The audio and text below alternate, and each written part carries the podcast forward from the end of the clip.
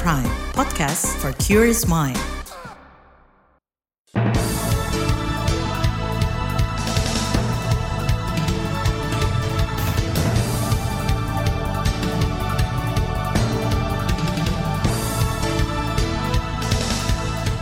Selamat pagi saudara, senang sekali kami bisa menjumpai Anda melalui program Buletin Pagi edisi Senin 27 Februari 2023. Bersama saya Naomi Liandra, sejumlah informasi pilihan telah kami siapkan di antaranya. Kementerian Kesehatan minta daerah waspadai mutasi flu burung.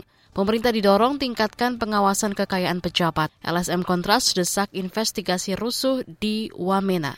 Inilah Buletin Pagi selengkapnya terbaru di Buletin Pagi. Kementerian Kesehatan mengumumkan mutasi flu burung 2.3 alias highly pathogenic avian influenza telah masuk ke Indonesia.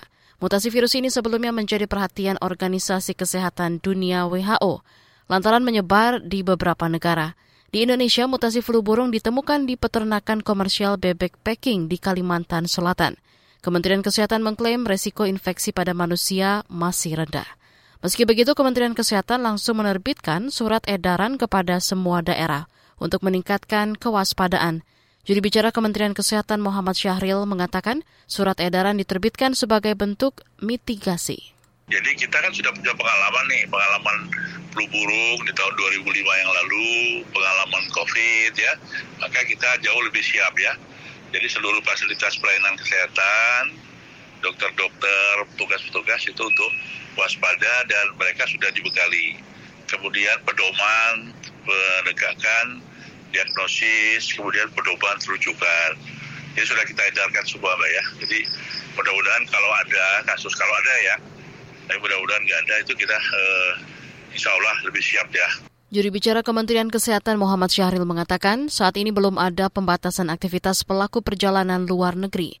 Dalam surat edaran itu, Kementerian Kesehatan meminta fasilitas kesehatan segera melapor jika ditemukan kasus suspek flu burung. Kasus flu burung mulai merebak di Indonesia sejak Oktober 2003. Saat itu sejumlah ayam di Jawa Timur mati. Penularan dari unggas ke manusia terjadi pada 2005. Hingga 2018, lebih dari 160 orang di Indonesia meninggal akibat penyakit ini. Pemerintah Kota Bogor mengusulkan agar disusun petunjuk teknis atau juknis mitigasi kejadian luar biasa KLB, flu burung. Wakil Wali Kota Bogor, Dedi Rahim, mengatakan juknis itu meliputi penanganan di rumah sakit hingga distribusi obat-obatan. Uh, harusnya memang ada petunjuk teknis ya dari kementerian bagaimana apabila ada gejala-gejala apakah cukup ditangani dengan ruang isolasi bertekanan negatif yang dimiliki oleh rumah sakit di Bogor uh, dengan penanganan dokter khusus atau memang ada obat-obatan khusus, uh, kami belum belum bahas sejauh itu. Tetapi saya pikir kita yakin lah ya model-model ini sebetulnya mirip-mirip dengan COVID-19.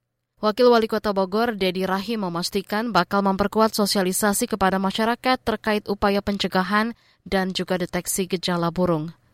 Sementara itu, kalangan parlemen mendorong pemerintah segera mengambil langkah tepat dan cepat mengantisipasi penyebaran mutasi flu burung.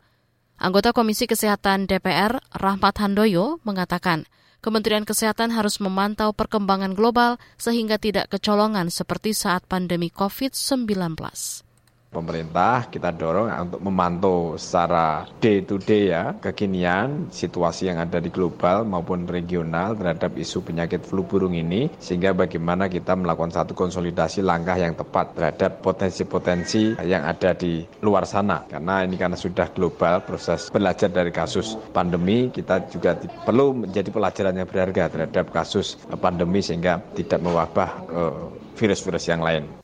Anggota Komisi Kesehatan DPR Rahmat Handoyo juga meminta Kementerian Pertanian berkoordinasi dengan seluruh dinas peternakan di daerah, sehingga bisa terus memantau kondisi unggas dan memberi edukasi ke semua peternak di daerah. Di tempat lain, Guru Besar Fakultas Kedokteran Universitas Indonesia FKUI, Chandra Yoga Aditama mengatakan, tenaga kesehatan harus memahami cara deteksi penularan flu burung – Kata dia, penularan virus ini bisa terjadi dari hewan ke hewan, hewan ke manusia, dan antar manusia. Dia juga menekankan pemerintah harus memperkuat kemampuan diagnosis dan surveillance.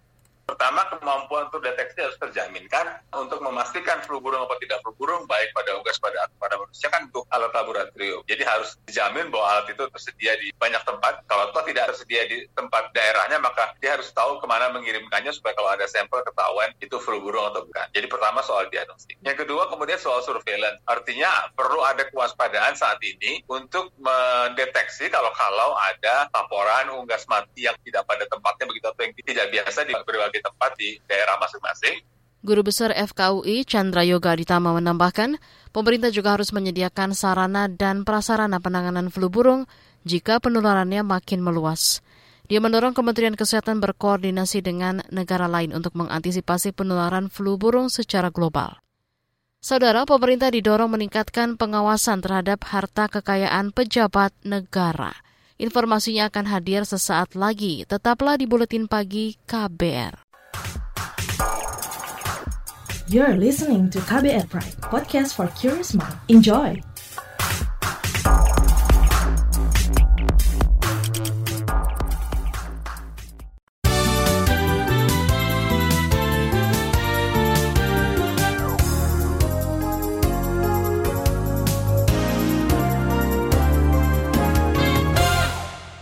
Anda sedang mendengarkan Buletin Pagi KBR. Presiden Joko Widodo menegaskan tak akan mundur meski keputusan menghentikan ekspor bahan mentah seperti biji nikel digugat berbagai negara. Menurut Jokowi, ekspor bahan mentah justru memberi banyak keuntungan untuk negara lain. Kalah jangan mundur. Kalau kita kalah kemudian kita ragu dan berbelok lagi ekspor bahan mentah, sampai kapan pun negara ini tidak akan menjadi negara maju. Selain biji nikel, Jokowi juga akan menghentikan ekspor bahan mentah seperti tembaga dan bauksit. Kabar Pemilu. Kabar Pemilu. Kita ke informasi pemilu. Ketua Umum Partai Amanat Nasional PAN Zulkifli Hasan mengatakan bakal menunggu masukan Presiden Joko Widodo untuk menentukan calon presiden yang diusung Koalisi Indonesia Bersatu KIB. Dia mengatakan mesti patuh pada arahan Jokowi lantaran masih berada dalam koalisi pemerintahan. Ini disampaikan Zulkifli saat Rakornas PAN di Semarang kemarin. Oh ya tentu dong, kan kita koalisi bersama Pak Jokowi ya. Nah, tentu faktor penting nanti arahan Pak Presiden kayak apa ya. IP punya calon ya nanti arahan Pak Presiden bagaimana karena tidak mudah. Ketua Umum PAN Zulkifli Hasan menyebut nama Erick Thohir dan Ganjar Pranowo muncul di partainya sebagai calon yang akan diusung di Pilpres 2024. Masih dari informasi pemilu, Partai Keadilan Sejahtera PKS mengecam praktik politik uang dalam gelaran pemilu 2024. Presiden PKS Ahmad Saiku saat acara apel siaga pemenangan PKS kemarin memerintahkan kadernya untuk mengedepankan politik pelayanan.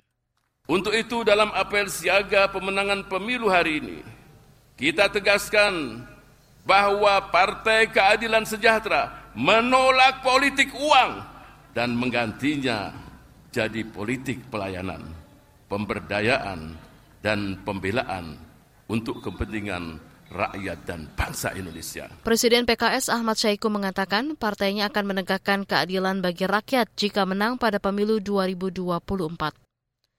Kita ke informasi hukum.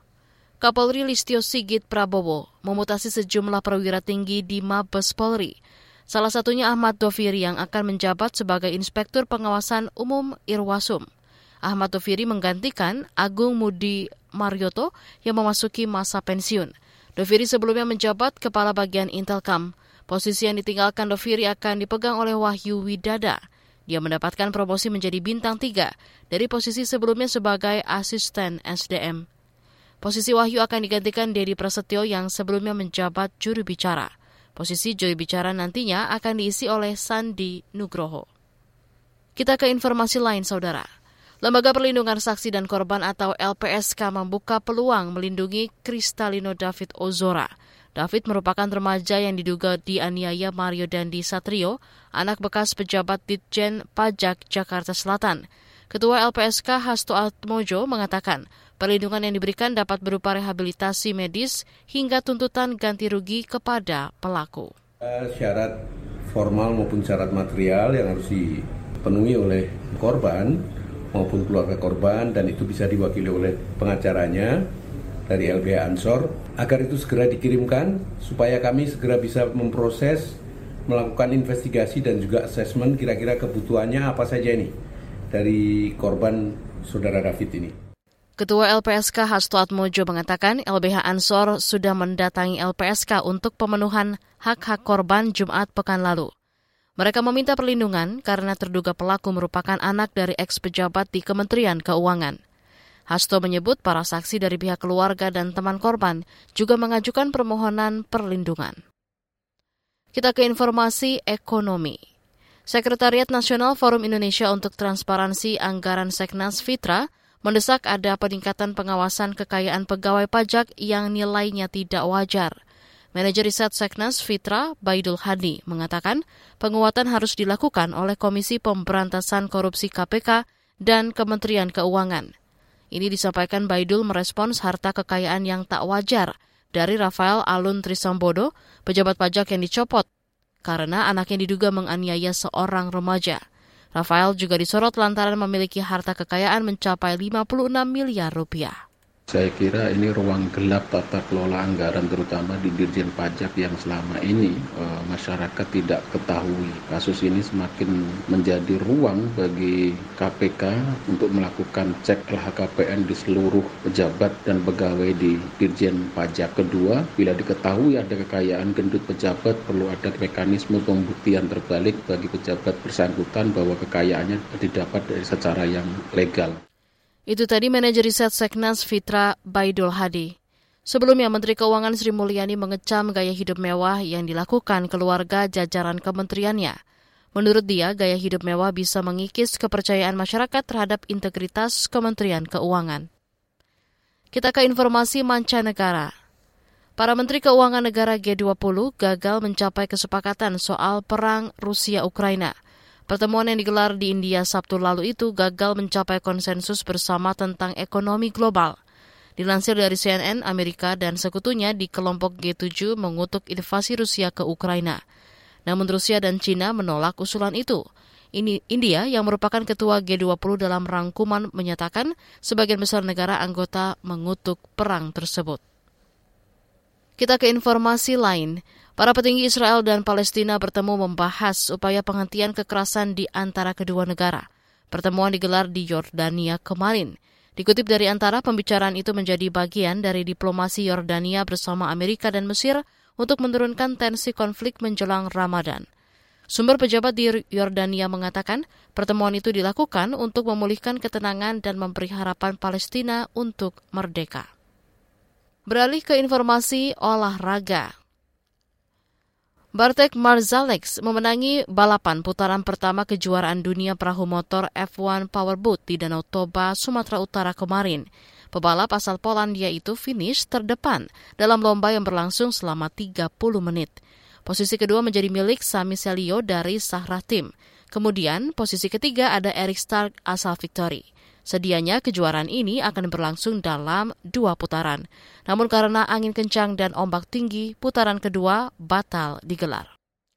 Di bagian berikutnya kami hadirkan laporan khas KBR tentang jelang pengesahan Perpu Ciptaker, masyarakat serukan penolakan. Tetaplah di Buletin Pagi KBR. You're listening to KBR Pride, podcast for curious mind. Enjoy!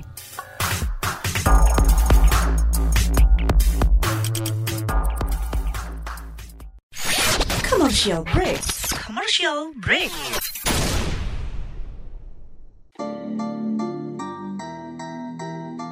Come on yo.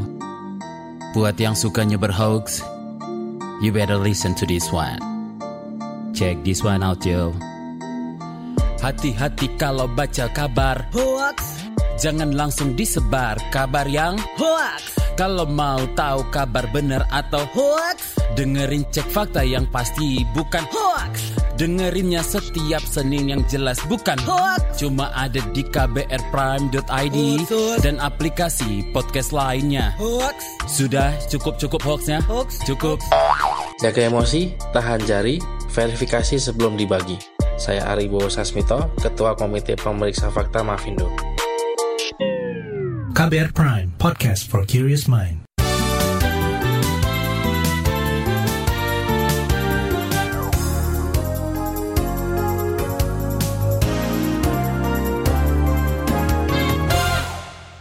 Anda masih bersama kami di Buletin Pagi KBR. Saudara, kelompok masyarakat sipil menyerukan penolakan pengesahan peraturan pengganti Undang-Undang Perpu Cipta Kerja yang belum mewujudkan partisipasi bermakna. Alasannya Perpu Ciptaker dianggap merugikan kelompok buruh perempuan hingga masyarakat adat. Lantas, apa upaya kelompok masyarakat sipil untuk membatalkan Perpu Cipta Kerja menjadi undang-undang? Berikut laporan khas KBR yang disusun jurnalis Mutia Kusuma Wardani.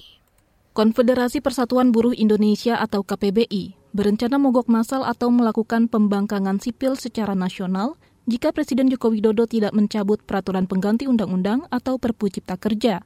Ketua Umum KPBI Ilham Syah Boeing beralasan sejumlah aturan di Perpu Cipta Kerja merugikan kelompok buruh, antara lain aturan soal upah, pesangon hingga pemutusan hubungan kerja atau PHK. 40 hampir 140 hampir 150 organisasi yang sudah menyepakati untuk mengeluarkan ultimatum dan kita sedang membicarakan sekarang apa langkah selanjutnya apabila pemerintah tidak mau menjalankan atau mencabut Perpu. Ada dua ada pembangkangan sipil modelnya akan kita tentukan dalam waktu dekat. Kedua mobilisasi terpusat dengan seluruh upaya kekuatan yang ada dan aksinya adalah aksi bertahan sampai Jokowi kembali mencabut Perpu. Selain itu, Perpu Cipta Kerja juga menimbulkan ketidakpastian kerja, sehingga membebani buruh dan tidak menjamin perlindungan terhadap pekerja, terutama perempuan.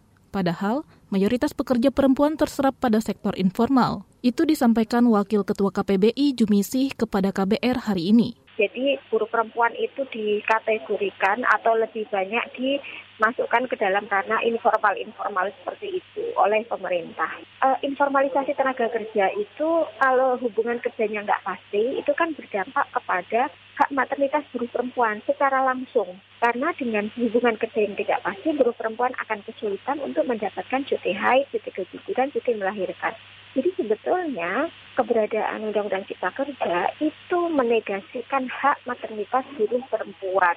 Wakil Ketua KPBI Jumisi menyampaikan mosi tidak percaya terhadap Dewan Perwakilan Rakyat. Itu sebab kelompok buruh akan berdemo menolak pengesahan aturan soal Ciptaker. Buruh juga akan menempuh gugatan material maupun formil ke Mahkamah Konstitusi.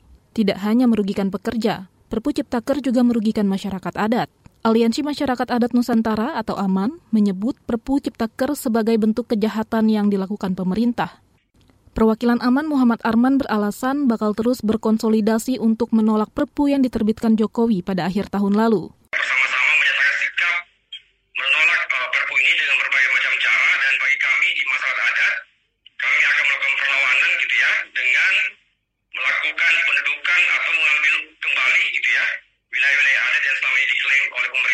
Bagi Lembaga Bantuan Hukum atau LBH Jakarta, Perpu Cipta Kerja merupakan wajah kediktatoran pemerintah dalam praktik legislasi.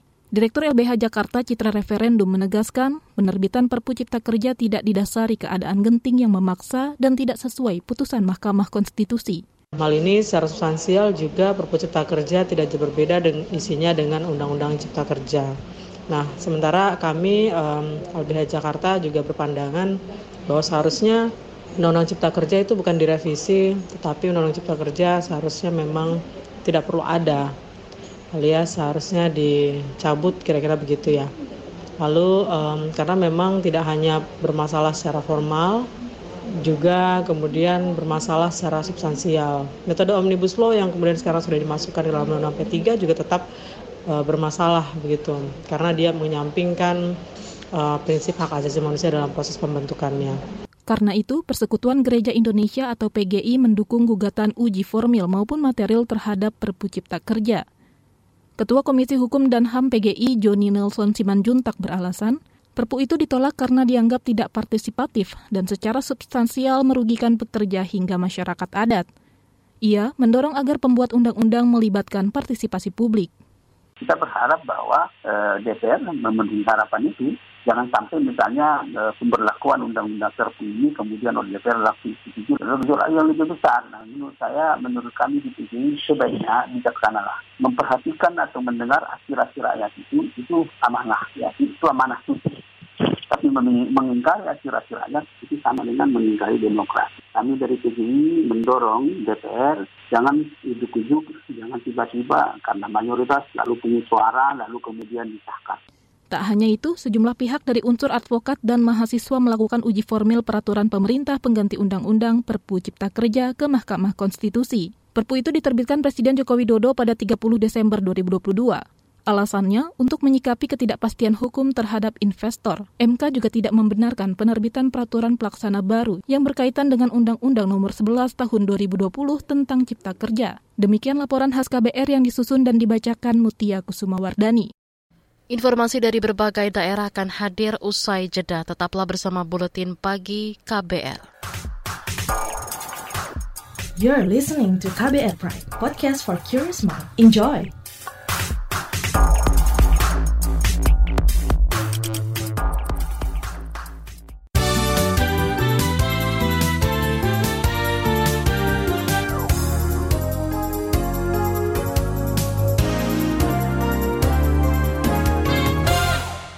Inilah bagian akhir buletin KBR. LSM Hak Asasi Manusia Kontras mendesak Komnas HAM melakukan investigasi insiden kerusuhan di Wamena, Papua, Kamis pekan lalu. Insiden itu menewaskan 12 orang dan beberapa lainnya terluka. Aktivis Kontras Rozi Berlian mengatakan pelaku yang menyebabkan belasan nyawa melayang harus diadili. Nah, kami coba untuk melihat bahwa apakah terdapat penyimpangan prosedur dalam penanganan yang dilakukan oleh pihak kepolisian di sini. Dan kami juga mendapatkan informasi dari beberapa jaringan di sana. Memang luka tembak yang dilakukan oleh aparat itu menyasar ada di beberapa bagian seperti leher, dada. Aktivis Kontras Rozi Brilian mendorong pemerintah segera memulihkan hak seluruh korban yang terdampak tragedi itu. Kontras juga meminta pemerintah menjamin keamanan warga di sana. Saudara, sebelumnya kerusuhan di Wamena di Tengarai terjadi karena dipicu hoaks penculikan. Kita ke Jawa Timur. Saudara, proses pencocokan dan penelitian atau coklit daftar pemilih di daerah rawan terjadi pelanggaran. Anggota Badan Pengawas Pemilu Bawaslu Kabupaten Banyuwangi, Andrianus Yansen Pale, mengatakan ada potensi beberapa pemilih tidak terdata dengan akurat karena sudah meninggal atau baru berusia 17 tahun. Kata dia, pencocokan data harus dilakukan oleh petugas yang terlatih.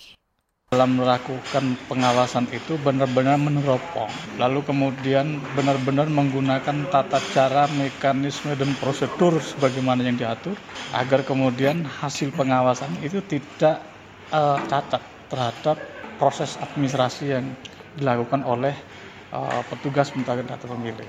Yang paling mungkin adalah uh, petugas pemutakhiran data pemilih yang melakukan coklit itu yang dari rumah ke rumah itu bukan petugas yang di oleh KPU. Anggota Bawaslu Banyuwangi Andrianus Jansen paling menghimbau warga yang belum terdata supaya melaporkannya ke pengawas pemilu. Tahapan pencocokan dan penelitian daftar pemilih berlangsung sejak 12 Februari hingga 14 Maret nanti. Kita ke ibu kota. Kebakaran melanda permukiman penduduk di Jalan Abdul Muiz Tanah Abang, Jakarta Pusat, minggu malam. Lebih dari 20 unit mobil pemadam kebakaran dikerahkan untuk menjinakkan si jago merah. Hingga malam tadi tercatat ada tiga korban akibat insiden tersebut. Dua mengalami sesak napas dan satu orang terkena pecahan beling. Dinas Penanggulangan Kebakaran Jakarta belum bisa memastikan penyebab terjadinya kebakaran tersebut. Informasi tadi menutup jumpa kita di Buletin Pagi hari ini. Jangan lupa pantau informasi terbaru melalui kabar baru, situs kbr.id, Twitter di akun @beritaKBR, dan juga podcast di alamat kbrprime.id. Saya Naomi Liandra bersama tim yang bertugas undur diri. Salam.